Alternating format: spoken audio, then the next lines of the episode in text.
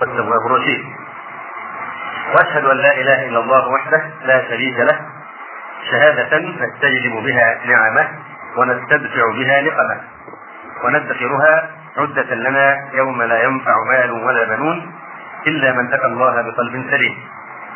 وأشهد أن محمدا عبده ورسوله وصفيه من خلقه وخليله صلى الله عليه وعلى آله نجوم المهتدين ونجوم المعتدين. ورضي الله عن صحابته الأبرار الذين قاموا بحق صحبته وحفظ شريعته وتبليغ دينه إلى سائر أمته فكانوا خير أمة أخرجت للناس. أما بعد ففي قرن وبعض قرن. وثب المسلمون وثبة ملأوا بها الأرض قوة وبأسا وحكمة وعلما ونورا وهداية. فرادوا الأمم وهاضوا الممالك وركزوا ألويتهم في قلب آسيا وهامات أفريقيا وأطراف أوروبا وتركوا دينهم وشرعتهم ولغتهم وعلمهم وأدبهم تدين لها القلوب وتتقلب بها الألسنة وتحقق فيهم الأنموذج الفريد والمثال الأعلى للبشرية باعتبارهم خير أمة أخرجت للناس. بعد أن كانوا طرائق بددات لا نظام ولا قوام ولا علم ولا شريعة.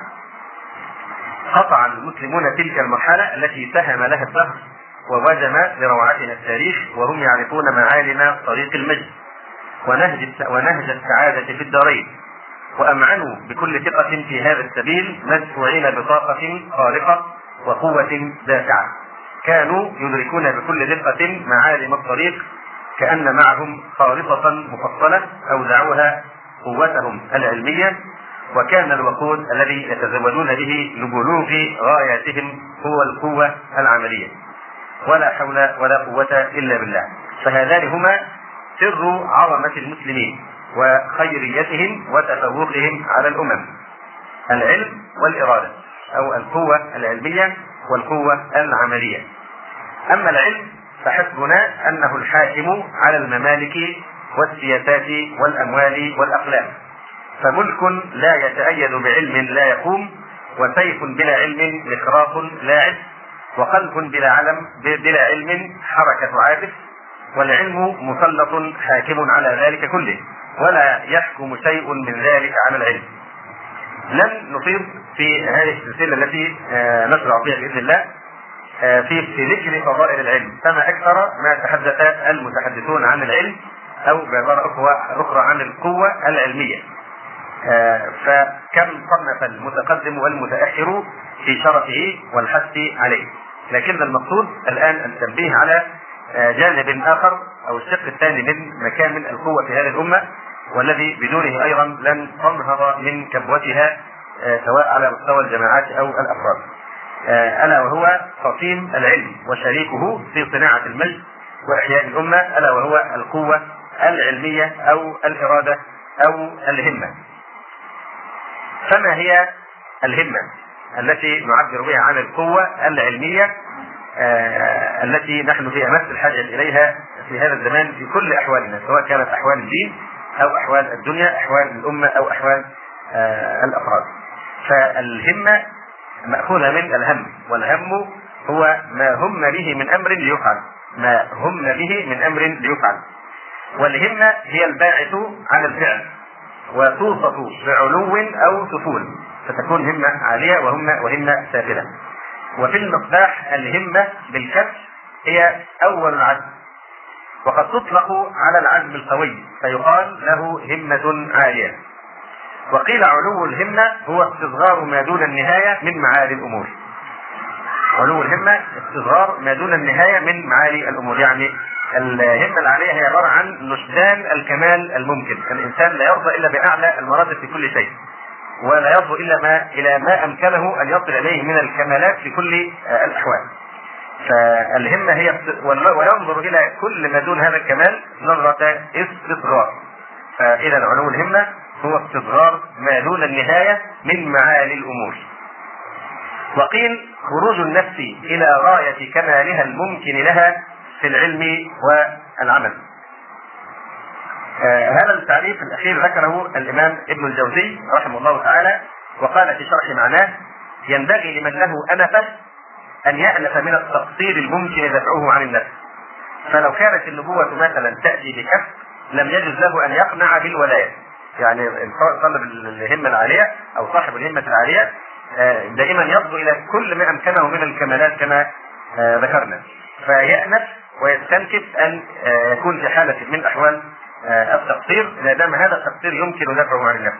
فيفترض هنا يقول لو كانت النبوة مثلا يمكن أن تنال بالكف وطبعا النبوة ليست كفرية النبوة وهبية. من الله سبحانه وتعالى يلتقي من رسله ما يشاء.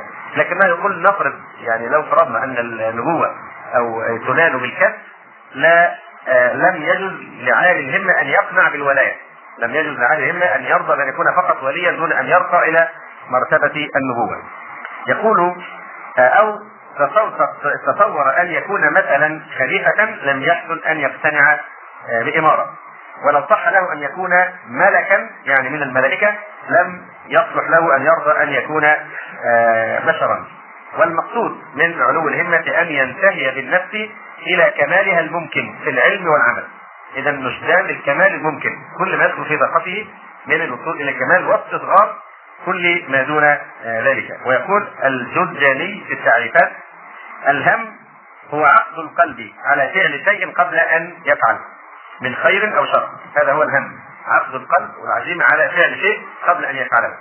سواء كان هذا الهم هم هما بخير أم هما بشر. هذا هو الهم عقد القلب.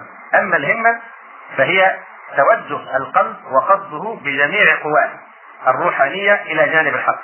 لحصول الكمال له أو لغيره. ويقول الإمام ابن القيم رحمه الله تعالى في مدارج السالكين والهمة فعلة من الهم. والهم هو مبدأ الإرادة. بداية الإرادة هم. ولكن خص الهمة بنهاية الإرادة. فالهمة هي التعبير عن نهاية وقمة وأعلى الإرادة. فأولها الهم وآخرها وأعلاها الهمة. الهم مبدأها والهمة نهايتها. يقول الإمام المحقق ابن القيم الجوزية رحمه الله تعالى وسمعت شيخ الإسلام ابن تيمية رحمه الله تعالى يقول في بعض الآثار الإلهية قول الله تعالى إني لا أنظر إلى كلام الحكيم وإنما أنظر إلى همته قال والعامة تقول قيمة كل امرئ ما يحسن والخاصة تقول قيمة كل امرئ ما يطلب. آه، العوام الناس مقيسون أن قيمة الإنسان هي ما يحسنه. أما الخواص فإنهم يقولون قيمة الإنسان ما يصبو إليه وما يطمح إليه وما يطلبه. فقيمة المرء همته ومطلبه. وقال صاحب المنازل الهمة ما يملك الانبعاث للمقصود صرفا لا يتمالك صاحبها ولا يلتفت عنها. يعني ينبعث آه، قلبه نحو المقصود نحو الطلب الذي يطلبه ويستولي عليه كاستيلاء المالك على المملوك. آه، بحيث لا يستطيع أن يتخلص من من هذا النزوع إلى آه، طلب الكمال.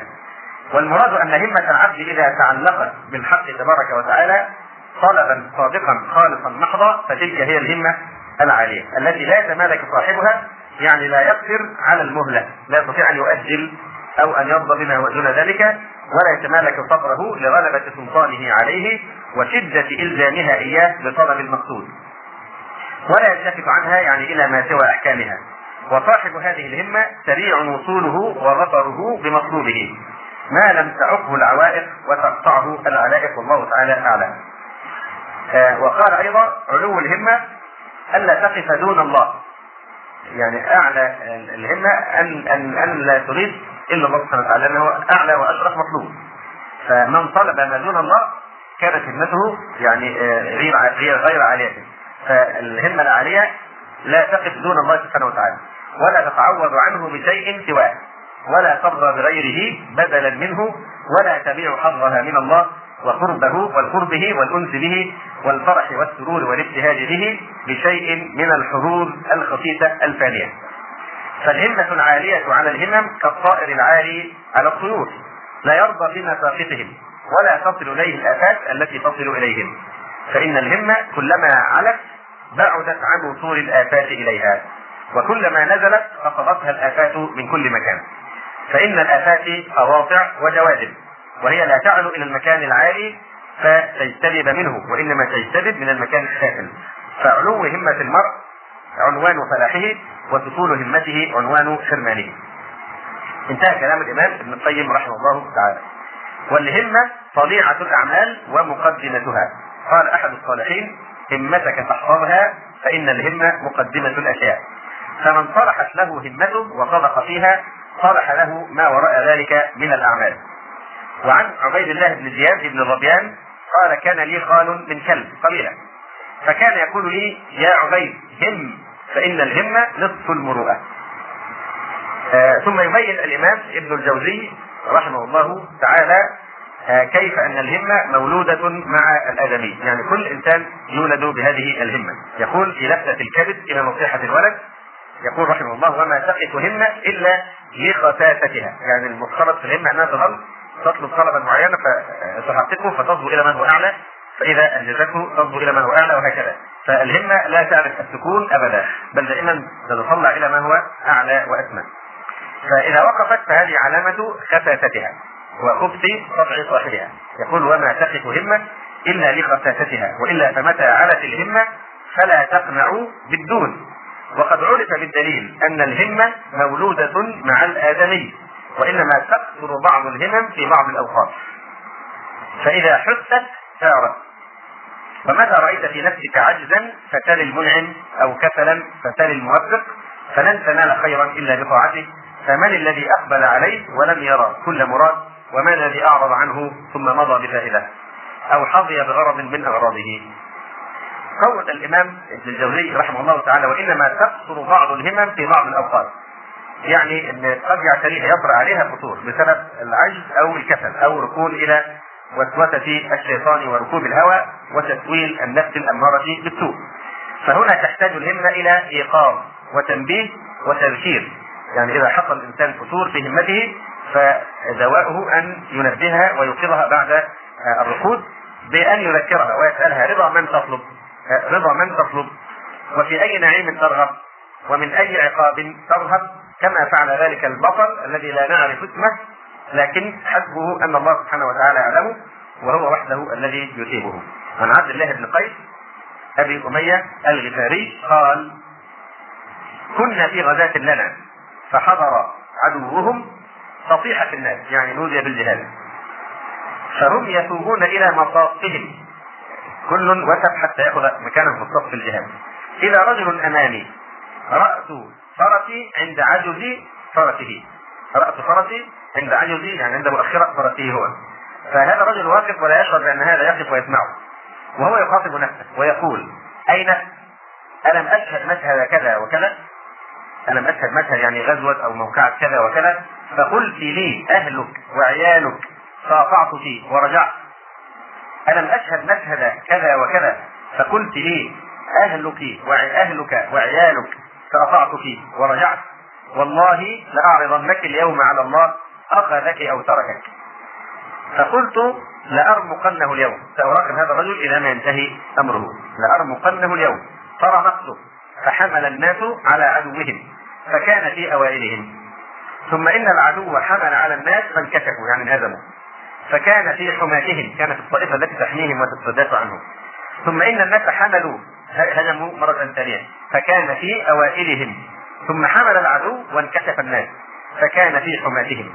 قال فوالله ما زال ذلك ما زال ذلك دأبه حتى رأيته صريعا. فعجبت به وبدابته ستين أو أكثر من ستين طعنة رحمه الله تعالى. آه لابد لكل من آه يسلك الطريق إلى الله سبحانه وتعالى من هذين الجناحين أن يطير بهما. ولا يستقيم حال المرء إذا اقتصر على واحد منهما. لابد له من همة تسيره وتهديه وعلم يبصره ويهديه. كما أشرنا من قبل القوة العلمية مع القوة العملية. العلم والإرادة.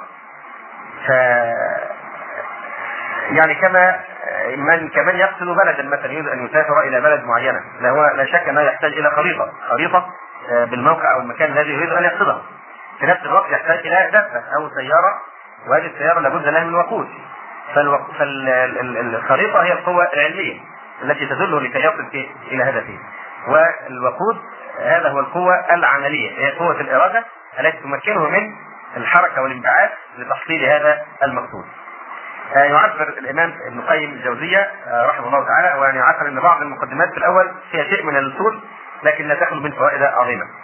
آه، قال الإمام المحقق ابن قيم الجوزية رحمه الله تعالى إن الله سبحانه وتعالى لما اقتضت حكمته ورحمته إخراج آدم وذريته من الجنة اعاظهم أفضل منها وهو ما أعطاهم من عهده الذي جعله سببا موصلا لهم إليه عهد الله سبحانه وتعالى عهدا لآدم وذريته هذا العهد من التزم به يعوضه الله أفضل مما آه، فقده آدم عليه السلام فهو العهد آه، الذي جعله سببا موصلا لهم إليه وطريقا واضحا بين الدلالة عليه.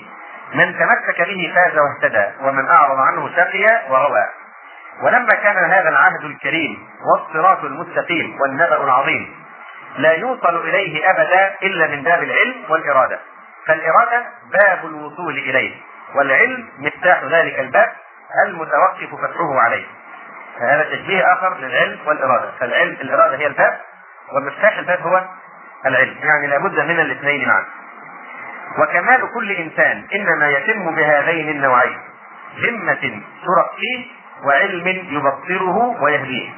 فإن مراتب السعادة والفلاح إنما تفوت العبد من هاتين الجهتين. لا يخيب إنسان ولا تفوت السعادة إلا بتقصير في جانب من هذين الجانبين. أو من إحداهما إما الا يكون له علم بها يجهل مراتب الاخره والغايات العليا فإذا كان يجهل هذه الفضائل فكيف سيتحرك إليها؟ وكيف سينبعث قلبه في طريقها؟ فإما يكون إنسان آه، يعني آه، اما الا يكون له علم بها فلا يتحرك في طلبها. أو يكون حالة ثانية عالما بها لكن لا تنهض همته اليها عنده علم لكن ليس عنده همة وقوة إرادة. آه، وإما أن أو يكون عالما بها ولا تنهض همته إليها. فلا يزال في حضيض طبعه محبوسا. وقلبه عن كماله الذي خلق له مصدودا منكوسا. قد أسام نفسه مع الأنعام راعيا مع الهمل واستطاب لقيعات الراحة والبطالة والسلامة فراش العجز والكسل. لا كمن رفع له علم فشمر إليه. وبورك له في تفرده في طريق طلبه فلزمه واستقام عليه. قد أبت غلبات شوقه إلا الهجرة إلى الله ورسوله ومقتت نفسه الرفقاء إلا ابن سبيل يرافقه في سبيله. وأما كان كمال الإرادة بحسب كمال مرادها. كمال الإرادة بحسب كمال الغاية أو المراد الذي تطلبه. كلما طلبت شرف مطلبا أشرف وأعظم كلما كانت إرادتك أشرف وأكمل. ولما كان كمال الإرادة بحسب كمال مرادها وشرف العلم تابعا لشرف معلومه. وهذه قاعدة معروفة يعني أن شرف العلم حسب شرف المعلوم.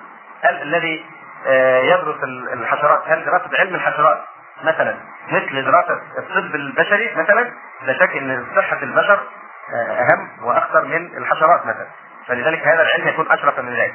وهكذا مراتب العلوم تتفاوت بحسب آه، ما يعني إيه يوصل بحسب المعلوم. شرف العلم بشرف المعلوم. ولذلك كان كانت أشرف العلوم على إطلاقها علوم الدين. أفضل أشرف بلا شك من علوم الدنيا. علوم الدنيا أشرفها علم الطب لأن الطب هو يعني آه، أشرف مطالب الدنيا. رأس مال الإنسان في الدنيا هو صحته وعافيته. ثم يعني لكن علوم الدين أشرف من كل علوم الدنيا. ثم علوم الدين تتفاضل فيما بينها بحسب العلم الذي تؤدي إليه. فهناك علوم خادمة عبارة عن وسائل فقط كالنحو والتجويد والمصطلح وأصول الفقه. واضح؟ هذه علوم خادمة اللغة. ثم هناك علوم أشرف وهي العلوم المخدومة آه، كالتوحيد كالتفسير كالفقه. واضح؟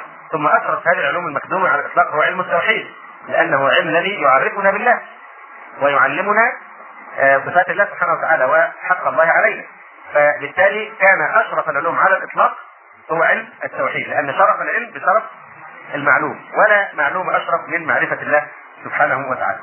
يقول ولما كان كمال الإرادة بحسب كمال مرادها وشرف العلم تابعا لشرف معلومه كانت نهاية سعادة العبد الذي لا سعادة له بدونها ولا حياة له إلا بها أن تكون إرادته متعلقة بالمراد الذي لا يبلى ولا يفوت وعزمات همته مسافرة إلى حضرة الحي الذي لا يموت.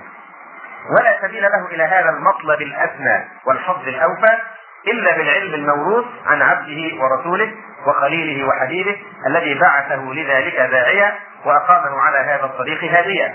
وجعله واسطة بينه وبين الأنام وداعيا لهم بإذنه إلى دار السلام وأبى سبحانه أن يفتح لأحد منهم إلا على يديه أو يقبل من أحد منهم سعيا إلا أن يكون مبتدئا منه ومنتهيا إليه صلى الله عليه وسلم. ثم يتكلم الإمام ابن القيم رحمه الله تعالى على أقسام الناس من حيث القوتان العلمية والعملية. الناس يتفاوتون ولا يخرج أحد من هذا هذا التقسيم. يقول رحمه الله وكمال الإنسان آه، مداره على أصلين. كمال الإنسان يدور على أمرين. معرفة الحق من الباطل ثانيا إيثار الحق على الباطل. معرفة هذه قوة علمية والإيثار هذه قوة عملية. ولذلك يعني آه، جاء في الأثر اللهم أرني الحق حقا وارزقني اتباعه. يعني ممكن الإنسان يرى الحق حقا لكن لكن لا يتبعه كاليهود مثلا الذين كانوا يعرفون الرسول عليه الصلاة والسلام كما يعرفون أبنائهم ويعرفون صفاته. ويجزمون بأنه رسول الله لكنهم لم يرزقوا ولم يلهموا ولم يوفقوا إلى اتباعه والانقياد لشريعته. فإذا الأمر الأول معرفة الحق الأمر الثاني اتباع الحق وإيثاره على ما عداه لأن ممكن أن يعرف الحق ويؤثر عليه ما عداه كذلك في هذا الأثر وارني الباطل وينسب إلى ابي بكر وارني الباطل باطلا وارزقني اجتنابه. لأن ممكن الثاني يزين له سوء عمله فيرى الباطل في صوره صورة مزينة. فيزين له سوء عمله ويحسب أنه على شيء. كعامة ملاحدة هذا الزمان الآن من الإعلاميين والصحفيين الذين اغتروا بكثرتهم وصوتهم العالي وكيف أنهم يتكلمون وكأنهم أصحاب حق. وكلهم جزما يعني مبطلون وأهل ضلال ومعاداة لدين الله سبحانه وتعالى. فهذا من تسجيل الشيطان لهم سوء أعمالهم. يرون الباطل حقا ومستعدين أن يقاتلوا في سبيل هذا الباطل ويبذلوا النفس والنفيس ولا حول ولا قوة إلا بالله. فمن أراه الله الحق حقا ثم رزقه اتباعه وإثارة وأراه الباطل باطلا ورزقه اجتنابه فهؤلاء هم الذين رزقوا علما وأعينوا بقوة العزيمة على العمل. وهؤلاء هم الموصون في قوله الموصوفون في القرآن الكريم بقوله تعالى الذين آمنوا وعملوا الصالحات. آمنوا من التصديق هذه قوة علمية. عملوا الصالحات هي القوة العملية. وقال عز وجل أومن كان ميتا فأحييناه وجعلنا له نورا يمشي به في الناس كمن مثله في الظلمات ليس بخارج منها. لماذا لا يخرج منها؟ لأنه مقتنع بها ويرى أنها هي الحق الذي ليس شيء بعد. نعم. فبالحياة حياة القلب ينال ثناء العظيم وبالنور يرزق الفرقان بين الحق والباطل. أي نعم. يقول الشيخ الإسلام ابن القيم رحمه الله تعالى كمال الإنسان مداره على أصلين معرفة الحق من الباطل وإيثار الحق على الباطل. وما تفاوتت منازل الخلق عند الله تعالى في الدنيا والآخرة إلا بقدر تفاوت منازلهم في هذين الأمرين. وهما اللذان أثنى الله سبحانه وتعالى على أنبيائه عليهم الصلاة والسلام آه، بهما في قوله تعالى واذكر عبادنا إبراهيم وإسحاق ويعقوب أولي الأيدي والأبصار. الأيدي هي القوة والأبصار هي العلم. فالأيدي هي القوة في تنفيذ الحق الهمة. والأبصار هي البصائر في الدين فوصفهم بكمال إدراك الحق وكمال تنفيذه وانقسم الناس في هذا المقام أربعة أقسام. إذا أكمل الناس من رزق الله الأمرين كمال الهمة الإرادة وكمال العلم.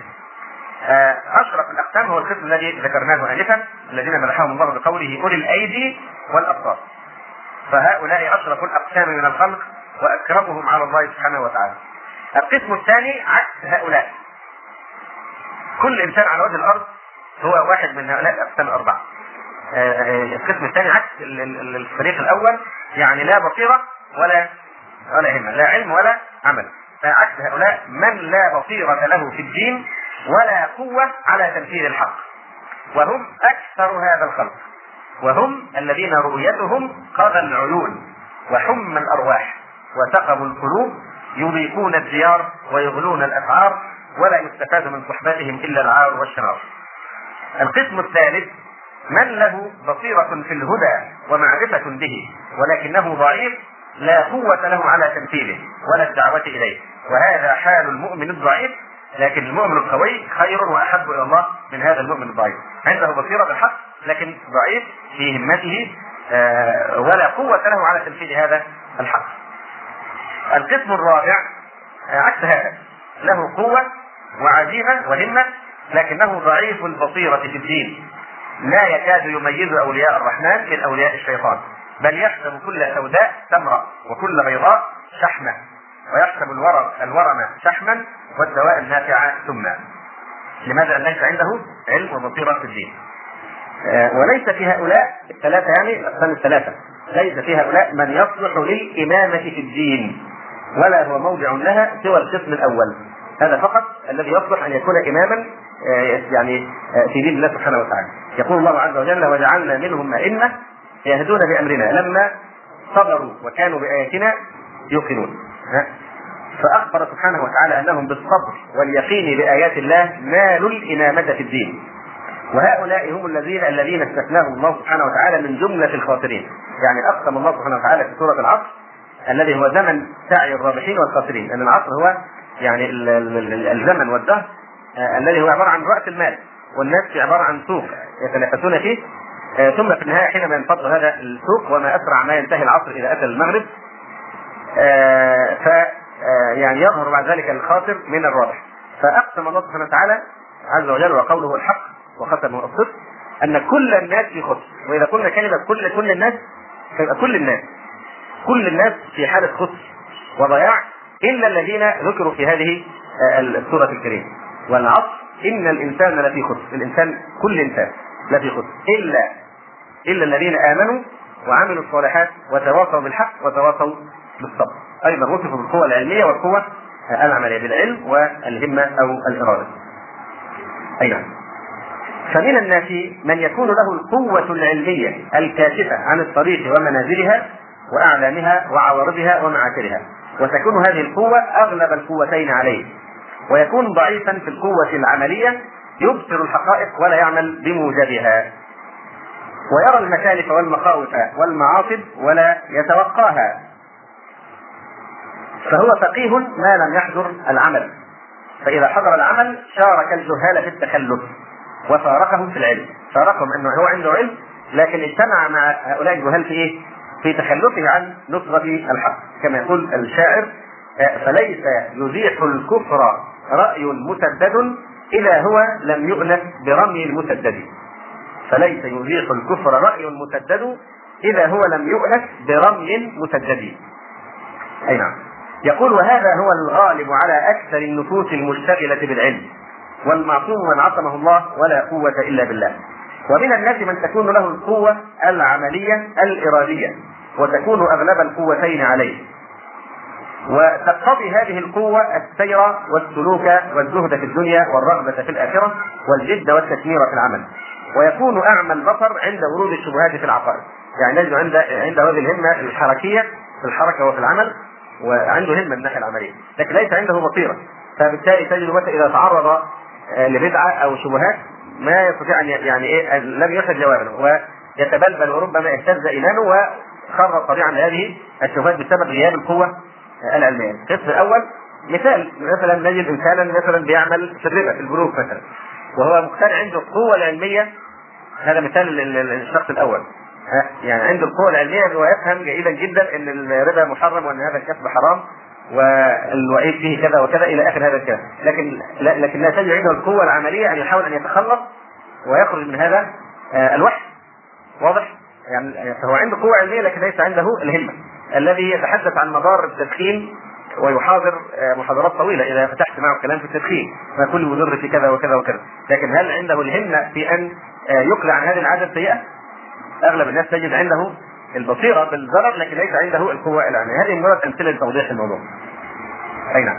فالقسم الثاني هذا يكون عنده همة وحركة وسعي ودأب لكن ليس عنده بصيرة في الدين فيكون أعمى البصر عند ورود الشبهات في العقائد والانحرافات في الأعمال والأقوال والمقامات. كما كان الأول ضعيف العقل عند ورود الشهوات. فداء هذا من جهله وداء الأول من فساد إرادته. وضعف عقله. وهذا حال أكثر أرباب الفقر والتطور السالكين على غير طريق العلم. يلاحظ في الصوفية إلا من شاء الله. يعني نجد إن هذا الصفه تكاد تكون صفه سائده فيه؟ الجهل الشديد بالعلم الشرعي ومع الهمه العالية في التعبد أو في آه، الحركة والسعي والدأب. آه، واضح؟ والأذكار والأوراد وغير ذلك. لكن لا على لا, لا على بصيرة. وبالتالي يستطيع يدخل أن يقع سريعا آه، للبدع والشبهات والضلالات يقول على غير طريق العلم بل على طريق الذوق والوجد والعادة. يرى أحدهم أعمى عن مطلوبه لا يدري من يعبد ولا لماذا يعبده. فتارة يعبده بذوقه ووجهه. ويقولون كلمة الفظيعة كلمة كل شيخ له طريقة. أو أن يعني في الشريعة والحقيقة وإنسان ممكن يخالف شريعة محمد عليه السلام آه إلى غير ذلك مما يناله بوجهه وذوقه وإلهاماته وكشوفاته. آه ويحتجون مثال الخضر مع مثال الخضر مع مع موسى عليه السلام. وتارة يعبده بعادة قومه وأصحابه من لبس معين وكشف رأس أو حلق لحية ونحوها. وتارة يعبده بالأوضاع التي وضعها بعض المتحرفين وليس لها أصل في الدين. وتارة يعبده بما تحبه نفسه وهواه آه، وتهواه كائنا ما كان. وهناك طرق ومتاهات لا يحصيها إلا رب العباد. كلها ناشئه عن ضعف البصيرة في الدين مع وجود الإيه؟ الهمة العملية. يقول شيخ الإسلام ابن القيم فهؤلاء كلهم عمي عن ربهم وعن شريعته ودينه. لا يعرفون شريعته ودينه الذي بعث به رسله وأنزل به كتبه ولا يقبل من أحد دينا سواه. كما أنهم لا يعرفون صفات ربهم التي تعرف بها إلى عباده على ألسنة رسله ودعاهم إلى معرفته ومحبته من طريقها. فلا معرفة له بالرب ولا عبادة له. ومن كانت له هاتان القوتان استقام له سيره إلى الله سبحانه وتعالى. ورجي له النفوذ وقوي على رد القواطع والموانع بحول الله وقوته. فإن القواطع كثيرة شأنها شديد لا يخلص من حبائلها إلا الواحد بعد الواحد. ولولا القواطع والآفات لكانت الطريق معمورة بالسالكين يعني الدليل على أن الطريق آه، إلى النجاة وإلى الله سبحانه وتعالى آه، فيه كثير من القواطع لكانت لكان هذا الطريق آه، مزدحما بالسالكين الذين يقصدونه لكن لأنه في كثير من القواطع سواء كانت قواطع من داخل النفس أو قواطع من قطاع الطريق الذين ينبثون على جنبات الطريق إلى الله سبحانه وتعالى ويقطعون الطريق على خلق الله ويصدونهم عن السير إلى الله سبحانه وتعالى. يقول ولولا القواطع والآفات لكانت الطريق معموره بالسالكين ولو شاء الله لأذانها وذهب بها ولكن الله يفعل ما يريد. والوقت كما قيل سيف فإن قطعته وإلا قطعك. فإذا كان السير ضعيفا والهمة ضعيفة والعلم بالطريق ضعيفا والقواطع الخارجة والداخلة كثيرة شديدة فإنه جهد البلاء ودرك الشقاء آه، ودرك الشقاء وشماتة الأعداء. إلا أن يتداركه الله برحمة منه من حيث لا يحتسب فيأخذ بيده ويخلصه من أيدي القواطع. والله ولي التوفيق. آه، بعد ذلك نتكلم عن الهمة باعتبار محلها. فالهمة عمل قلبي. الهمة عمل قلبي منبعها ومصدرها هو آه، ومحلها هو القلب. فبما أن الهمة محلها القلب وبما أن القلب لا سلطان لأحد عليه لغير آه، صاحبه وكما أن الطائر يطير بجناحيه كذلك يطير المرء بهمته فتحلق به إلى أعلى الآفاق طليقه من القيود التي تكبل الأجسام، يعني بمعنى لو أن إنسان مكبلا بأشد أنواع القيود هل معنى ذلك إذا كبل جسده هل يمكن أن تكبل همته؟ لو كان هو في الأصل عالي الهمة حتى لو كبل جسده فهمته ترقى إلى أعلى يعني المقامات. فالهمة لا يستطيع أحد تقييدها حتى ولو كبل الجسد كله عضوا عضوا. بل تحلق حتى لو كان صاحبها في هذه القيود. يقول الشاعر إن يسلب القوم العدا ملكي وتسلمني الجموع فالقلب بين ضلوعه لم تسلم القلب الضلوع. ونقل ابن قتيبة عن بعض كتب الحكمة والحقيقة هذه كلمة أود أن تحفظوها حفظا. لأنها كلمة معبرة يعني في يعني غاية البلاغة وغاية الصدق في التعبير عن هذا المعنى العظيم جدا. يقول ابن قتيبة عن بعض كتب الحكمة يقول ذو الهمة إن حط فنفسه تأبى إلا علوا. كالشعلة من النار يصوبها صاحبها وتأبى إلا ارتفاعا. لو أن الإنسان يحمل شعلة من النار ويحاول أن يجعل هذا اللهب يمضي إلى أسفل، هل يستطيع ذلك؟ حتى لما بيهبط بالشعلة نفسها إلى أسفل فالهمة أو النار تأبى إلا ارتفاعا فكذلك صاحب الهمة. يمكن أن آه، تقع الضغوط على بدنه على جوارحه. أما قلبه فلا يمكن. بل يسمو إلى أعلى آه، يعني المقامات نعيد العبارة. ذو الهمة إن حط فنفسه تأبى إلا علوا. كالشعلة من النار يصوبها صاحبها يعني إلى أسفل وتأبى إلا ارتفاعا. آه، أمر آخر من خواص الهمة هو أن همة المؤمن أبلغ من عمله. يعني الإنسان يحصل بالهمة آه، أمورا عظيمة جدا لا يستطيع أن يحصلها آه، عمله. يقول النبي صلى الله عليه وآله وسلم من هم بحسنة فلم يعملها كتبها الله عنده حسنة كاملة. فهذا ثواب الهمة. من من من هم بحسنة فلم يعملها كتبها الله عنده حسنة كاملة. وقال صلى الله عليه وسلم من سأل الله الشهادة بصدق بلغه الله منازل الشهداء وإن مات على فراشه. وإن مات على فراشه ينال بصدق الإيه؟ الهمة. وقال صلى الله عليه وسلم في من تجهز للجهاد ثم أدركه الموت قال قد أوقع الله أجره على قدر نيته. قد أوقع الله أجره على قدر نيته. وقال صلى الله عليه وسلم في حق المتخلفين عن غزوة تبوك من الحريصين على الخروج معه قال إن إن للمدينة لرجالا ما سرتم مسيرا ولا قطعتم واديا إلا كانوا معكم حبسهم العذر. حبسهم العذر. فهم همتهم موجودة لكن في عائق عاقهم عن الخروج لأن الرسول لم يكن عنده ما يحملهم عليه عليه الصلاة والسلام. فبالهمة نالوا الثواب وشركوهم في الأجر. وقال صلى الله عليه وسلم ما من امرئ تكون له صلاة بليل فغلبه عليها نوم. إلا كتب له أجر صلاته وكان نومه صدقة عليه. ما من امرئ تكون له صلاة بليل يعني عادته أن يقوم الليل فغلبه عليها نوم. إلا كتب له أجر صلاته وكان نومه صدقة عليه فهنا أخذ بهمته وبنيته. فليس الشأن في من يقوم الليل. إنما الشأن في من ينام على فراشه ثم يصبح وقد سبق الركب بعلو همته وطهارة قلبه وقوة يقينه وشدة إخلاصه. وفي ذلك قيل من لي بمثل سيرك المدلل تمشي رويدا وتجيء في الأول. هذه قوة الإيه؟ اليقين وقوة الهمة. وما أحسن قول الشاعر مخاطبا الحبيب وقد انطلقوا للحج. يا راحلين إلى البيت العتيق لقد سرتم جسوما. وسرنا نحن أرواحا. إن أقمنا على عذر وعن قدر ومن أقام على عذر فقد راحا لكن مهم إيه؟ ما دام عنده الهمة فهو يطمع في أن ينال نفس الثواب. وقد يتفوق المؤمن بهمته العالية. كما بين ذلك الصادق المصدوق صلى الله عليه وسلم. في قوله سبق درهم مئة ألف. درهم واحد سبق مئة ألف. يعني رجل تصدق بدرهم ورجل آخر تصدق بمئة ألف درهم. الذي تصدق بدرهم أخذ نال ثوابا أعظم من ثواب الذي تصدق بمئة ألف درهم.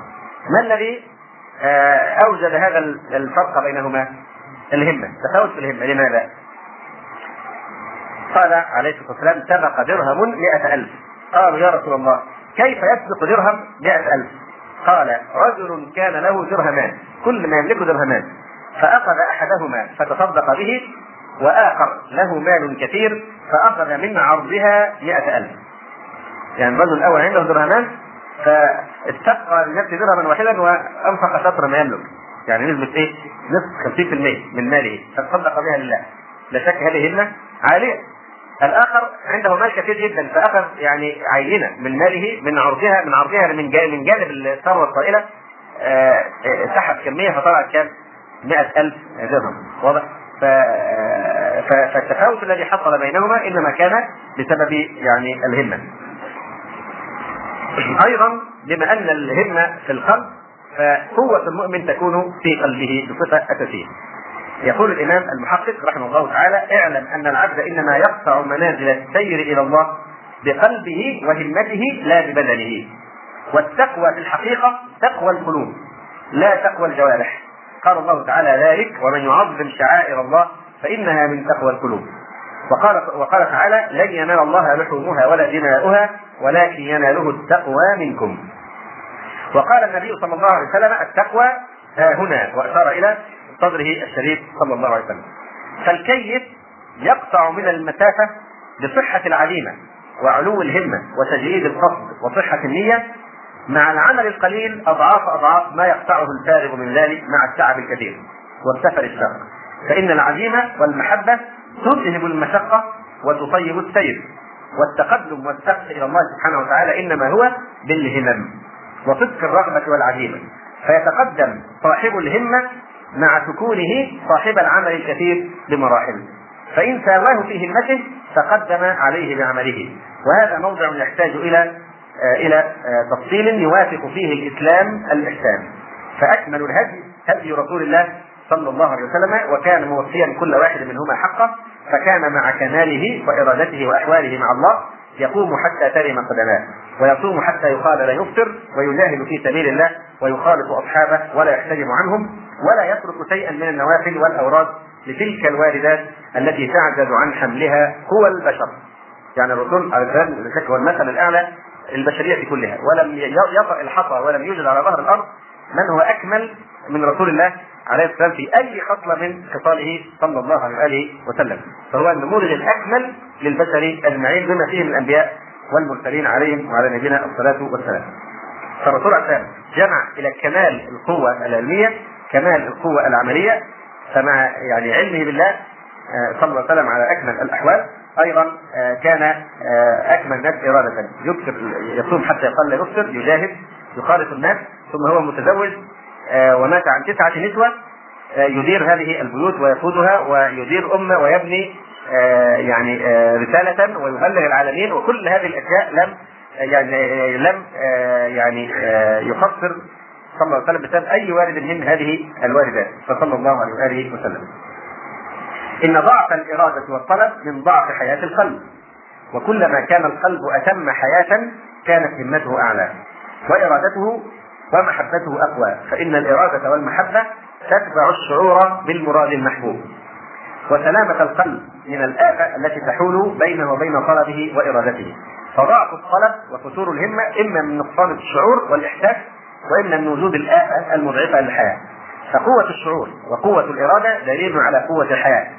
وضعفها دليل على ضعفها وكما أن علو الهمة وصدق الإرادة والطلب من كمال الحياة فهو سبب إلى حصول أكمل الحياة وأطيبها. فإن الحياة الطيبة إنما تنال بالهمة العالية والمحبة الصادقة والإرادة الخالصة. فعلى قدر ذلك تكون الحياة الطيبة واخف الناس حياة اخفتهم همة وأضعفهم محبة وطلبا. وحياة البهائم خير من حياته كما قيل نهارك يا مغرور سهو وغفلة. وليلك نوم والردى أي الهلاك. والردى لك لازم. وتكدح فيما سوف تنكر غبه أي عاقبته. كذلك في الدنيا تعيش البهائم. تسر بما يفنى وتفرح بالمنى كما غر باللذات في النوم حالم. هنا آه، يعني نناقش الحقيقة موضوعا آه، مهما وهو أن أن كثيرا من الناس مع ذلك يعني يستبدلون الذي هو أدنى بالذي هو خير. فما السبب في أن أن كثيرا جدا من الناس يطلبون الأدنى والأخف من الأمور. السبب الذي يجعل كثيرا من الناس يطلبون الأدنى من الأمور ويقصدون ما لا يملك لهم ضرا ولا نفعا فساد العلم وكثرة الجهل وضعف الهمة فكلما صح العلم وانتفى الجهل وصحت العزيمة وعظمت الهمة طلب الإنسان معالي الأمور فبعض الناس همه لقمة يسد بها جوعته. كل غايته في الحياة أن يحصل على اللقمة التي يسد بها جوعته. وشربة روية تذهب ظمأه. ولباس يواري سوءته. هذا المذهب الرديء يعني مذهب كان منتقصا حتى بين أهل الجاهلية، يعني أهل الجاهلية أنفسهم كانوا يذمون من يعيش من أجل هذه المقاصد. وفي مثل هؤلاء يقول حاتم طيب، حاتم الطائي آه يعني لم يدرك الإسلام. ولم يسلم ومع ذلك يقول في ذم هذا الذي يعيش من أجل هذه المقاصد السفليه يقول لحى الله صعلوكا مناه وهمه من العيش أن يلقى لبوسا ومطعما. يرى الخمس تعذيبا وإن يلقى شمعة يبت قلبه من قلة الهم مبهما ما معنى هذا؟ لحى الله صعلوكا لحى يعني قبح الله. آه، صعلوكا المقصود به هنا فقيرا مناه وهمه من العيش أن يلقى لبوسا ومطعما. ما يعيش إلا من أجل الملابس ومن أجل الطعام. يرى الخمس تعذيبا. الخمس يعني خلو البطن. يرى الخمس تعذيبا. وإن يلقى سبعه يبت قلبه من قلة الهم مبهما. يعني ينام قرير العين جران ما دام هو نايم إيه؟ يعني سبعان نعيد الأبيات. مبهما يعني خاليا. مبهما يعني خاليا. لحى الله صعلوكا وهذا شعر جاهلي. لحى الله صعلوكا مناه وهمه من العيش أن يلقى لبوسا ومطعما يرى الخمس تعذيبا وإن يلقى سبعه يبت قلبه من قلة الهم مبهما. ومن الناس من يكون مطلبه التمتع بمتاع الحياة الدنيا كحال طرفة بن عبد. فقد قيل له ما أطيب عيش الدنيا؟ قال فقال مطعم شهي وملبس دفي ومركب وطي مطعم شهي وملبس زفي ومركب وفي يعني سهل. وقال أيضا آه، طرفه مبينا غايته من الحياة. يقول ولولا ثلاث فيه غريبا كثير لكن شعر تشعر من شعر يعني. آه، ولولا ثلاث هن من عيشة الفتى. وجدك آه، الجد هنا الحظ والبحث يعني يحلف بالحظ. وجدك لم احسن يعني لم أهتم متى قام عودي جمع عائد من العيادة. فمنهن تبقي العادلات بشربة. العادلات جمع عادلة والعدل هو الملامة. ومنهن تبقي العادلات بشربة كميت كميت اسم من أسماء الخمر شربة خمر يعني. آه فيها حمرة وسواد. فمنهن تبقي العادلات بشربة كميت. متى ما تعلى بالماء تزبدي هي الرغوة الزبد الرغوة التي تكون فوق الخمر. وكري إذا نادى المضاف محنبا كري كر هو العطف. إذا نادى المضاف محنبا يعني الذي في يده انحناء. كثير الغضا كثير هو الذئب آه، والغضا الشجر. نبهته المتوردي الحقيقة هذا هنا أيضا يعني آه، تكرار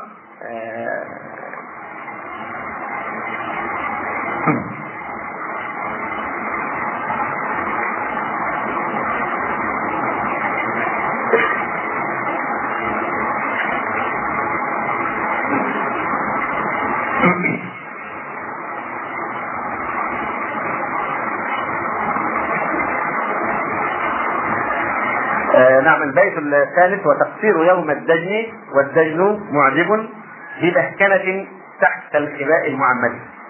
كما ذكرنا الأبيات لهذا الشعر نعيد الأبيات. ولولا ثلاث هن من عيشة الفتى وربك لم أحسن متى قام عودي فمنهن تبقي العادلات مش عارف اجيبها نحاول نجيبها من الذكر. فمنهن تبقي العادلات بشربة كميت متى ما تعلى بالماء آه، تزبدي وكر إذا نادى المضاف محنبا أو محنبا كثير الرضا نبهته المتوردي وتقصير يوم الدجن والدجن معجب بمهكنة تحت الكباء المعمدي تقصير يوم الدجن تقصير يوم الدجن يعني يوم الدجن الدجن هو الغيم لما يملأ افاق الثبات تقصيره يعني جعل هذا اليوم قصيرا. يجعل اليوم مش طويل اليوم إيه؟ مش بيمل يعني. يوم قصير كيف يقصره؟ بأن ينفقه يعني مع امرأة آه، حسناء ببهكنة هي المرأة الحسنة في الخلق السمين. ببهكنة تحت الخباء المعمدي يعني تحت الخيمة التي رفعت بالأعمدة فكثير من الناس همه من دنياه هم هذا الشاعر المسكين شربة خمر والتمتع بامرأة حسناء وقليل من الناس من تنهض همته إلى الدفاع عن الخائف آه، المستجير. نفس هذا الشاعر اقتدى به أبو نواس. أبو نواس يتحدث عن غايته من الحياة. يقول إنما العيش سماع ومدام وندام فإذا فاتك هذا فعلى العيش السلام. هذا الذي يعيش من أجل غايته في الحياة. إنما العيش سماع موسيقى يعني وأغاني. إنما العيش سماع ومدام وندام مدام الخمر يا شرب الخمر والندام جلسات المنادمه والندامه اللي هم الذين يجلسون ويكثرون في الخمر. فإذا فاتك هذا فعلى العيش السلام. وهذا جميل بثينة شاعر قصر همته على ملاحقة النساء. يجيب من أمره بالجهاد في سبيل الله، واحد يذكره بالأمر ويأمره بأن يخرج الجهاد في سبيل الله فيقول يجيبه قائلا يقولون جاهد يا جميل بغزوة وأي جهاد غيرهن أريد؟ لكل حديث بينهن بكاشة وكل قتيل عندهن شهيد. آه، من أجلها لا شك أن هذه تتأثر تأثرا عظيما ب آه، يعني همته وأيضا ببصيرته. كما بينا ذلك من قبل. فهذه نماذج يعني من همم بعض الناس وغايتهم في الحياة. النساء المناصب الأموال الغنى آه، قد يكون لبعض الناس يعني آه، مسعى ومطلب للأمور آه، هو نفسه يعد مطلبها من علو الهمة. يعني هو ينظر إليها أنها مطلب ثاني أو مقصد عالي كحال امرئ القيس. عندما أفاق من سكر على سكره من سكره وعبثه على زوال ملك أبيه. فانطلق جادا طالبا إعادة هذا الملك. طبعا نحن لا نقول إن هذا يعني من علو الهمة لكن نحن ندركه أيضا آه، لكن هو بالنسبة لما مضى يعتبر أعلى. لكن ليس هذا آه، علو همة كما سنبين ان شاء الله تعالى بعد ذلك بالتفصيل. يعني لا يكون إنسان عالي الهمة إلا إذا رضى الآخرة.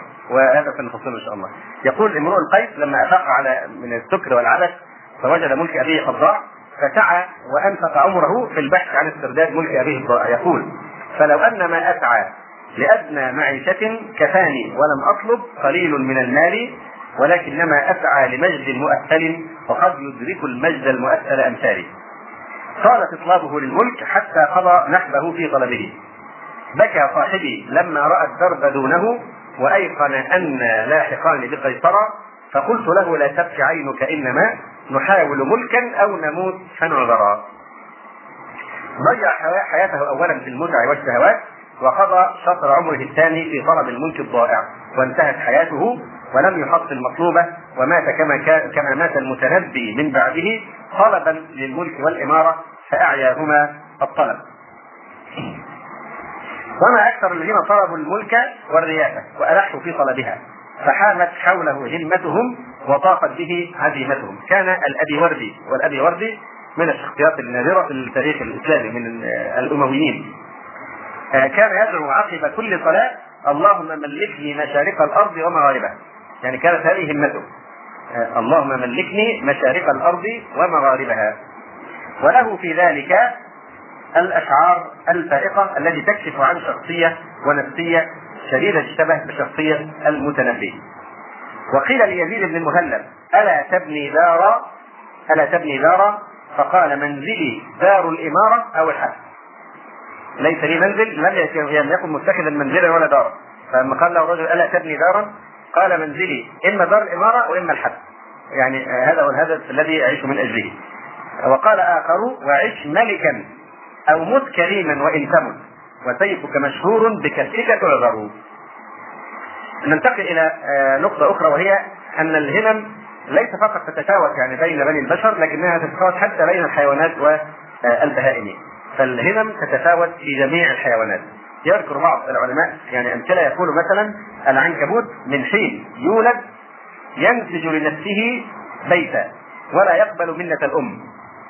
الحقيقة هو هنا يعني تعبير المفروض يكون الناحية العلمية أدق شوية. لأن إحنا ساعات بنتناقل كلام العلماء السابقين ونقع في أقسام هي المناقصة يعني. يعني مثلا زي إيه لما واحد بيتكلم على الميت آه، بعد ما يموت إذا رأيته ورأيت جسمه يخرج منه الصديد وكذا وكذا. الصديد لا يخرج من جزء من جثة. يعني هذا الصديد بيخرج نتيجة معركة في جسم حي. فإذا مات الميت ما بيخرج منه صديد ها؟ فمثلا هذا التعبير قد يستنكف يعني أو يستغرب.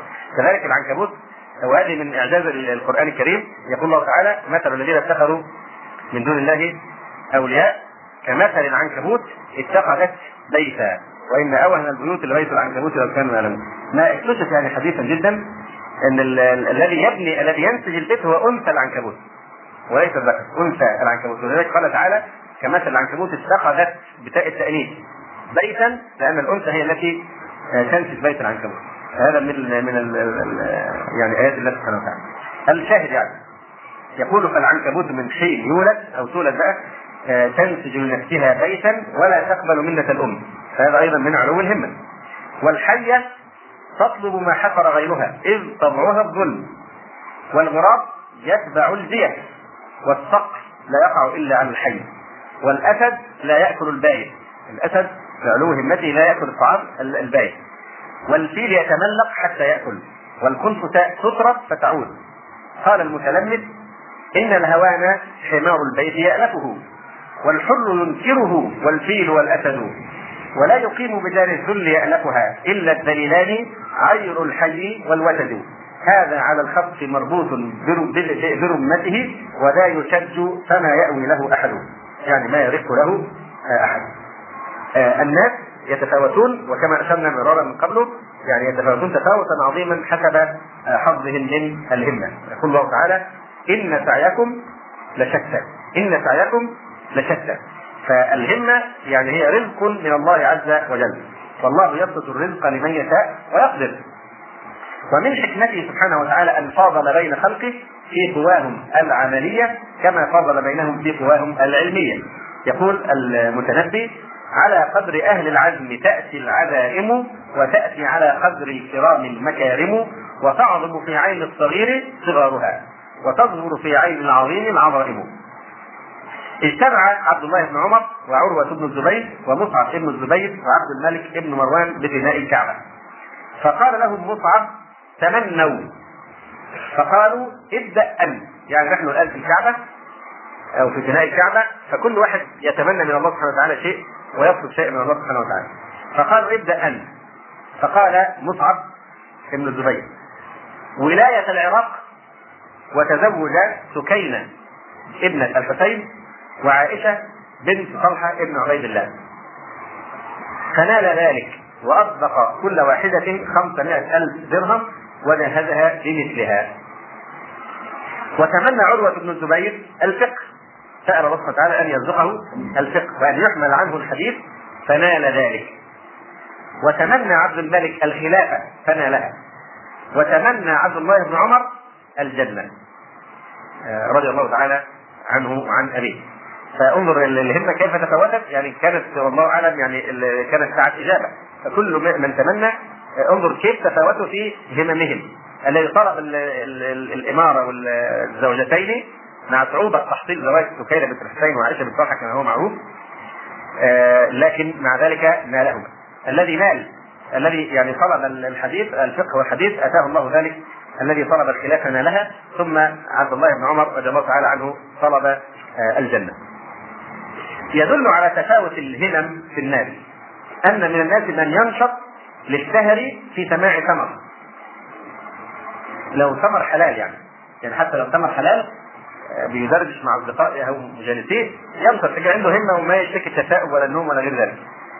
فضلا بقى عن الناس اللي عندها يعني آه، قوة آه، قوة وتصميم في إيه في الشر فيسهر للثالثة للثالثة صباحا أو الواحدة امام الأفلام والفيديو والمسرحيات وهذه الأشياء.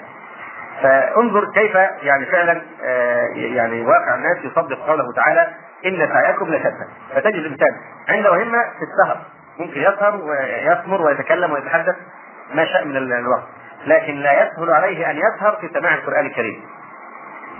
منهم من يحفظ بعض القرآن ثم يتوقف ولا يتوب إلى التمام.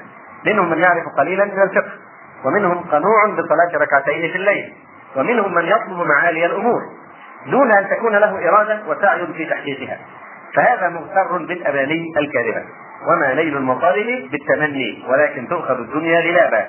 وما استعصى على قوم منال إذا الإقدام كان لهم ركابا. ولو علت بهم الهمم لجدت في تحصيل كل الفضائل ونغت عن النقص فاستخدمت البدن. كما قال الشاعر ولكل جسم في النحول بلية وبلاء جسمي من تفاوت همته. أنه كان نحيلا. فيعلل سر هذا سر هذا النحول فيقول ولكل جسم في النحول بلية. ممكن انسان يكون هزيلا بسبب مرض بسبب آه، سوء تغذية أو غير ذلك من الأسباب. ويمكن أن يكون بسبب همته العاليه التي تستخدم بدنه وترهقه في سبيل تحصيل مطالبه ولكل جسم في النحول بليه وبلاء جسمي من تفاوت همتي يعني من علو همتي وقال المتنبي وإذا النفوس كن كبارا تعبت في مرادها الأجسام. وقائل وآخر يقول وقائلة لما غيرتك الهموم وأمرك ممتثل في الأمم؟ فقلت ذريني على غصتي فإن الهموم بقدر الهمم. ولما ولي أمير المؤمنين عمر بن عبد العزيز رحمه الله تعالى الخلافة خير امرأته فاطمة بين أن تقيم معه على أنه على شرط أنه لا فراغ له إليها وبين أن تلحق بأهلها فبكت وبكى جواريها لبكائها فسمعت ضجة في داره من شدة البكاء ثم اختارت مقامها معه على كل حال رحمه الله تعالى وقال له رجل قال لعمر بن عبد العزيز رحمه الله تعالى لما ولي الخلافة تفرغ لنا يا أمير المؤمنين. فقال أو أجابه قائلا قد جاء شغل شاغل وعدلت عن طرق السلامة ذهب الفراغ فلا فراغ لنا إلى يوم القيامة. وهذا الإمام ابن دقيق العيد رحمه الله يقول الجسم يذيبه حقوق الخدمة والقلب عذابه علو الهمة والعمر بذاك ينقضي في تعب والرحمة ماتت فعليها الرحمة. آه، والراحة آه، والراحة ماتت فعليها الرحمة. من آه، خصائص كبير الهمة أنه يعني يعلم تماما أنه بقدر ما يتعنى ينال ما يتمنى. يعني ثمن الهدف العالي الذي يصبو إليه أن يكون هناك جهد أيضا جهيد يبذله كي يصل إلى هذا الهدف. لا يغرق في الأحلام الأحلام اليقظه والاماني الكاذبة ويغتر بالأماني وهو لا يسعى في تحصيلها لكن ما دامت الهمة عالية لابد لها لكل سلعة من ثمن يليق آه، بها. فعالي الهمة يجود بالنفس والنشيط في سبيل تحصيل غايته وتحقيق بغيته لأنه يعلم أن المكارم منوطة بالمكاره. وأن المصالح والخيرات واللذات والكمالات كلها لا تنال إلا بحظ من المشقه ولا يعبر عليها إلا على جسر من التعب. يقول الشاعر بصرت بالراحة الكبرى فلم أرها تنال إلا على جسر من التعب. يقول آخر فقل لمردي معالي الأمور بغير اجتهاد رجوت المحال. وآخر لولا المشقة ساد الناس كلهم الجود يبقر والإقدام قتال ويقول آخر والذي يركب بحرا فيرى قحم الأهوال من بعد قحم ما دمت ترون هذا هذه الغاية. ويقول آخر الذل في دعة النفوس ولا أرى عز المعيشة دون أن يشقى لها. كان أبو موسى الأشعري رضي الله عنه يصوم حتى يعود كالخلال حتى يصبح نحيفا كالأعواد التي يخلل بها الأسنان. فقيل له لو أجممت نفسك يعني أرح نفسك لو أجممت نفسك فقال آه آه يعني آه فقال هيهات إنما يسبق من الخيل المدمرة. الخيل الذي أو الفرس الذي يسبق في السباق مثلا أو في التسابق. هل ممكن يكون فرسا ثمينا مليئا بالشحوم ممكن أن يسبق؟ كلما كان هزيلا ورشيقا كلما كان أقوى على أن يسبق. فلذلك كان يجيبهم قائلا هيهات إنما يسبق من الخيل المدمرة التي هي هزيلة وما يكون فيها ثمن أو شحم من شدة الرياضه والحركة والدأب. وقد قيل من طلب الراحة ترك الراحة. فيا وصل الحبيب أما إليه بغير مشقة أبدا طريق يقول الإمام المحقق رحمه الله تعالى وقد أجمع عقلاء كل أمة على أن النعيم لا يدرك بالنعيم على أن النعيم لا يدرك بالنعيم وأن من آثر الراحة فاتته الراحة وأن بحسب ركوب الأهوال واحتمال المشاق تكون الفرحة واللذة فلا فرحة لمن لا هم له ولا لذة لمن لا صبر له ولا نعيم لمن لا شقاء له ولا راحة لمن لا تعب له بل إذا تعب العبد قليلا استراح طويلا. وإذا تحمل مشقة الصبر ساعة قاده لحياة الأبد. وكل ما فيه أهل النعيم المقيم فهو صبر ساعة. والله المستعان ولا قوة إلا بالله. يعني كل ما فيه أهل الجنة هو عبارة عن أنهم صبروا في الدنيا ساعات لبثنا يوما أو بعض يوم. وكلما كانت النفوس أشرف والهمة أعلى كان تعب البدن أوفر.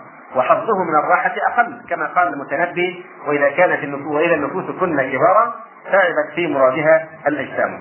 وقال ابن الرومي قلب يظل على أفكاره وإذ تمضي الأمور ونفس لهوها التعب. نفس لهوها التعب.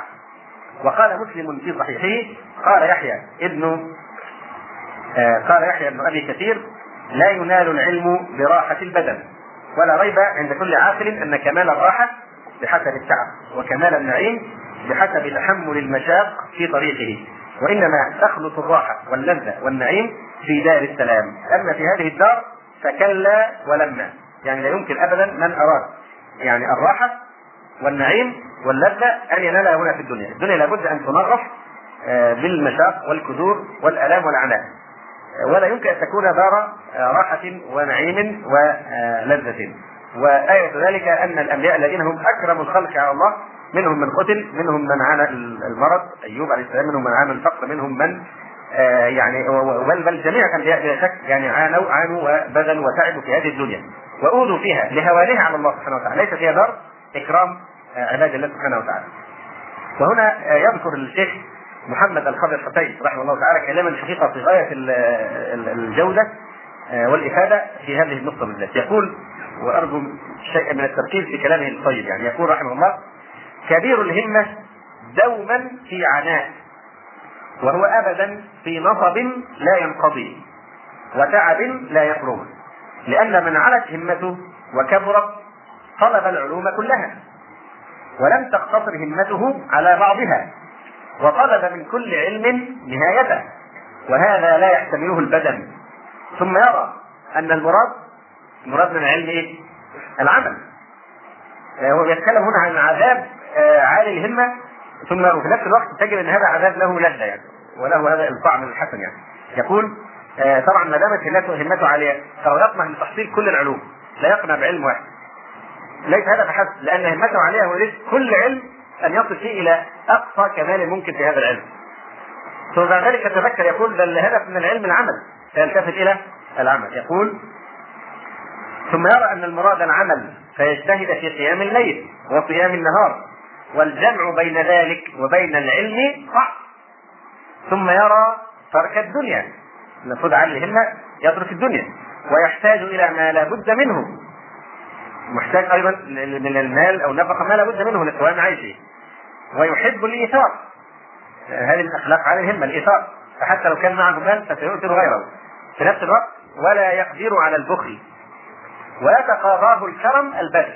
صفة الكرم تدعو إلى البذل. وتمنعه عزة النفس من الكسب من وجوه التبذل. عزة نفسه تمنعه أيضا من أن يبذل نفسه فيما لا يليق به من الأعمال. فإن هو جرى على طبعه من الكرم احتاج وافتقر وتأثر بدنه وعائلته. وإن أمسك فطبعه يأبى ذلك. ولكن تعب عالي الهمة راحة في المعنى. وراحة قصير الهمة تعب وشين إن كان ثمة فهم. نعيد العبارة. كبير الهمة دوما في عناء وهو أبدا في نصب لا ينقضي وتعب لا يفرغ. أو لا يفرغ. لأن من علت همته وكبرت طلب العلوم كلها. ولم تقتصر همته على بعضها. وطلب من كل علم نهايته وهذا لا يحتمله البدن. ثم يرى أن المراد العمل فيجتهد في قيام الليل وصيام النهار. والجمع بين ذلك وبين العلم صعب. ثم يرى ترك الدنيا ويحتاج إلى ما لا بد منه ويحب الإيثار ولا يقدر على البخل. ويتقاضاه الكرم البذل وتمنعه عزة النفس من الكسب من وجوه التبذل. فإنه جرى على طبعه من الكرم احتاج وافتقر وتأثر بدنه وعائلته وإن أمسك فطبعه يأبى ذلك. ولكن تعب العالي الهمة راحة في المعنى وراحة القصير الهمة تعب وشين إن كان ثمة فهم ومصداقه في قول عبد الله بن معاوية بن عبد الله بن جعفر يقول أرى نفسي تسوق إلى أمور ويقصر دون مبلغهن حالي فنفسي لا تطوعني ببخل ومالي لا يبلغني فعالي. وقيل للربيع بن حسين لو أرحت نفسك الاجتهاد في العبادة لو أرحت نفسك قال راحتها أريد. وربما كان مكروه النفوس إلى محبوبها سببا لا مثله سببه يعني هذا الشيء المكروه قد يكون هو أعظم سبب يوصله إلى آه، المحبوب. وقال أحمد ابن داود ابن آه، آه، وقال أحمد بن داود أبو سعيد الوسطي دخلت على أحمد الحد قبل الضرب. في المحبس يعني في السن قبل أن يضرب الإمام أحمد. فقلت له في بعض كلامي يا أبا عبد الله عليك عيال ولك صبيان وأنت معذور. يعني لك رخصة توافقهم في القول بخلق القرآن وستكون معذورا بالإكراه يعني. يا أبا عبد الله عليك عيال ولك صبيان وأنت معذور. كأني أسهل عليه الإجابة. فقال لي أحمد بن حنبل إن كان هذا عقلك يا أبا سعيد فقد استرحت إن كان هذا عقلك يا أبا سعيد فقد استرحت. لكن هل هذه الراحة ممدوحة؟ هذه راحة الإيه؟ الهمل أو السفل من الناس. واضح؟ فيعني وتأملوا هذه العبارة من الإمام أحمد يقول إن كان هذا عقلك يا أبا سعيد فقد استرحت. يعني راحت هؤلاء الذين يعني سفلت همتهم. وقد قيل للإمام أحمد متى يجد العبد طعم الراحة؟ فقال عند أول قدم في الجنة. قبل ذلك ما في راحة. عند أول قدم يرعوها في الجنة. ويقول الشاعر أحزان قلبي لا تزول حتى أبشر بالقبول وأرى كتابي باليمين وتفر عيني بالرسول. صلى الله عليه وسلم. وقال الأمير شمس المعالي قابوس ابتناء المناقب باحتمال المتاعب. بناء بناء المناقب والمجد يعني ابتناء المناقب باحتمال المتاعب. وإحراز الذكر الجميل بالسعي في الخط الجليل. يقول الشاعر نحن ونحن أناس لا توسط عندنا لأن علي الهمة لا يعرف التوسط يعني إما يصل إلى غايته إما يموت لكن لا يعرف التوسط يقول ونحن أناس لا توسط عندنا لنا الصبر دون العالمين أو القبر. تهون علينا في المعالي نفوسنا ومن خطب الحسناء لم يغله المهر وقال أحدهم لما عوتب لشدة اجتهاده. قال لمن عاتبه إن الدنيا كانت ولم أكن فيها وستكون ولا أكون فيها ولا أحب أن أغبن أيامي. يقول الشاعر انفضوا النوم وهبوا للعلا فالعلا وقف على من لم ينم. فالصلاة خير من النوم والتجلد خير من التبلد والمنية خير من الدنية ومن عز فز فحب وثبة فيها المنايا أو المنى فكل محب للحياة دليل. فترى عالي الهمة منطلقا بثقة وقوة وإقدام نحو غايته التي حددها على بصيرة وعلم فيقتحم الأهوال ويستهين السعاد قال عمرو بن العاص رضي الله عنه عليكم عليكم بكل أمر مزلقة مهلكة. يعني مش تلقي نفسك للتهمك لكن يقصد إيه؟ يعني عليك بجتاب الأمور دون حسائدها عليكم إيه؟ بالمخاطرة والجرأة والإقدام. وقال أمير المؤمنين معاوية رضي الله تعالى عنه من طلب عظيما خاطر بعظيمته. يعني بروحه. من طلب عظيما خاطر بعظيمته. وقال كعب بن زهير وليس لمن لم يركب الهول بغية وليس لرحل حطه الله حامله. وقال آخر ذريني أنل ما لا ينال من العلا فصعب العلا في الصعب والسهل في السهل. تريدين إدراك المعاني رخيصة ولا بد دون الشهد من إبر النحل. لا بد دون الشهد من إبر النحل. أن ينفع.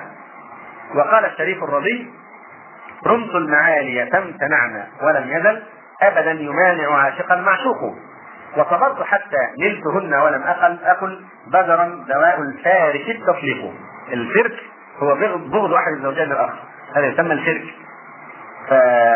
وفي الحديث لا يترك مؤمن مؤمنا. إن كره منها خلقا رضي منها اخر فهنا يقول رمت المعاني فامتنعنا. يعني امتنع امتنعت علي لأني عشقت المعاني. فامتنعت مني. فظل إيه؟ يصارعها ويطلبها. كما كدائب العاشق والمعشوق يحصل هذا التمنع. رمت المعالي فامتنعنا ولم يزل ابدا يمانع عاشقا معشوق وصبرت حتى نلتهن ولم أقل بدرا دواء الفارك التطليق. آه، لم أستسلم وأقل إن الذي يترك يبغض زوجته ويطلقها. لم أفعل مثل هذا ولم أطلق المعالي لكنني صبرت حتى نلتها وعالي الهمة دائم الترحال في طلب مبتغاه حيث لاح له آه، همم تقاذفت الخطوب بها فهرعن من بلد إلى بلد. ويقول آخر إذا لم أجد في بلدة ما أريده فعندي لأخرى عزمة وركاب. وقال مالك بن الريب وفي الأرض عن دار المذلة مذهب وكل بلاد أوطنت كبلادي. ولا يزال يطير إلى المعالي بجناح الهمة. لا ينوي على شيء ولا يستفزه لوم اللائمين ولا تخبيط القاعدين. يعني هذا من خصائص عالي الهمة انه مع تفرده في الطريق والوحشه التي هو فيها لا يقوى أحد ابدا على أن يثبط من عزيمته. يقول سبقت العالمين إلى المعالي بقائد فكرة وعلو همة ولاح بحكمتي نور الهدى في ليالي الضلالة مدلهمة يريد الجاهلون ليطفئوه ويأبى الله إلا أن يتمه. وقال الشماخ بن ضرار في عرابة الأوسي. يمدح عرابة الأوسي يقول رأيت عرابة الأوسي يسمو إلى الخيرات منقطع القليل. إذا ما راية رفعت لمجد تلقاها عرابة باليمين. وقال ابن نباتة السعدي أعادلتي على إتعاب نفسي ورعي في الدجى روض السهاد. إذا كان الفتى فرق المعالي فأهون فائت طيب الرقاب. ومن أراد الجنة سلعة الله الغالية لم يلتفت إلى لوم لائم ولا عدل عادل ومضى يكدح في السعي لها.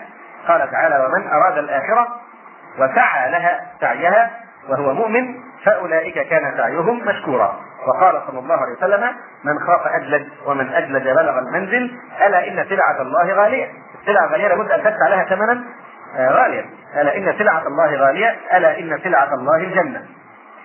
وقدر السلعة يعرف بقدر مشتريها. من الذي يشتري أرواح المؤمنين؟ إن الله اشترى من المؤمنين أنفسهم وأموالهم بأن لهم الجنة. فقدر السلعة يعرف بقدر مشتريها. ويعرف أيضا بقدر الثمن المبذول فيها والمنادي عليها. فإذا كان المشتري عظيما والثمن خطيرا والمنادي جليلا كانت السلعة نفيسة. إن الله اشترى من المؤمنين أنفسهم وأموالهم بأن لهم الجنة. يقول الشاعر أنت يا مفتون ما تبرح في بحر المنام.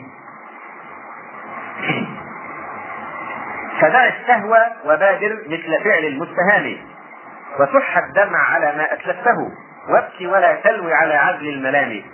أيها اللائم دعني لست أصغي للملام إنني أطلب ملكا نيله صعب المرام. في جنان الخلد والفردوس في دار السلام. وعروسا فاقت الشمس مع بدر التمام. طرفها يشرق بالخط مضيا بالسهام ولها صدغ على قد كنون تحت لام. أحسن الأتراب قدا في اعتدال وقوام. مهرها من قام ليلا وهو يبكي في الظلام. وقد لا يتسنى له إدراك بغيته يعني مع علو همته وشدة سعيه آه يعني يقول علي أن أسعى وليس علي إدراك النجاح. فقد لا يتسنى له إدراك بغيته وتحقيق غايته لأمور خارجة عن إرادته. فلا يكون ذلك من عزيمته ولا يحط من همته. بل يعزي نفسه أنه أدى ما عليه وأعذر إلى نفسه ومبلغ نفس عذرها مثل منجحين. يقول الطائي وركب كأطراف الاسنه عرته على مثلها والليل تسطو غو... والليل تسطو غياهبه. لأمر عليهم أن تتم صدوره وليس عليهم أن تتم عواقبه. وقال آخر سأضرب في طول البلاد وعرضها أنال مرادي أو أموت غريبا. فإن تلفت نفسي فلله ذرها وإن سلمت كان الرجوع قريبا. ويقول آخر عجبت لهم قالوا تماديت في المنى وفي المثل العليا وفي المرتقى الصعب. فاقصر ولا تجهد ذراعك إنما ستبذر حيا في ثرى ليس بالخصب يعني عايز يقول للداعيه هذا الناس ليس فيها فايدة الناس ليس فيها فايدة. وأنت بتبذر في أرض سبخه لن تثمر شيئا. فيقول لهم ما تضيع جهدك في دعوة الناس إلى الحق. فيقول عجبت لهم قالوا تماديت في المنى وفي المثل العليا وفي الملتقى الصعب فاقصر ولا تجهد ذراعك إنما. ستبذر حيا في ثرى ليس بالخطب فقلت لهم مهلا فمن يأت شيمتي سأبذر حبي والثمار من الرب. إذا أنا أبلغت الرسالة جاهلا ولم أجد السمع المجيب. فما ذنبي؟ يعني ما دول أنا ما قصرت في إقامة الحجة على الخلق وهم لم يستجيبوا أو استجابوا ما ذنبي أنا ويعني فالداعية العالي الهمة يتمثل دائما قول الصالحين آه، قبله معذرة إلى ربكم ولعلهم يتقون.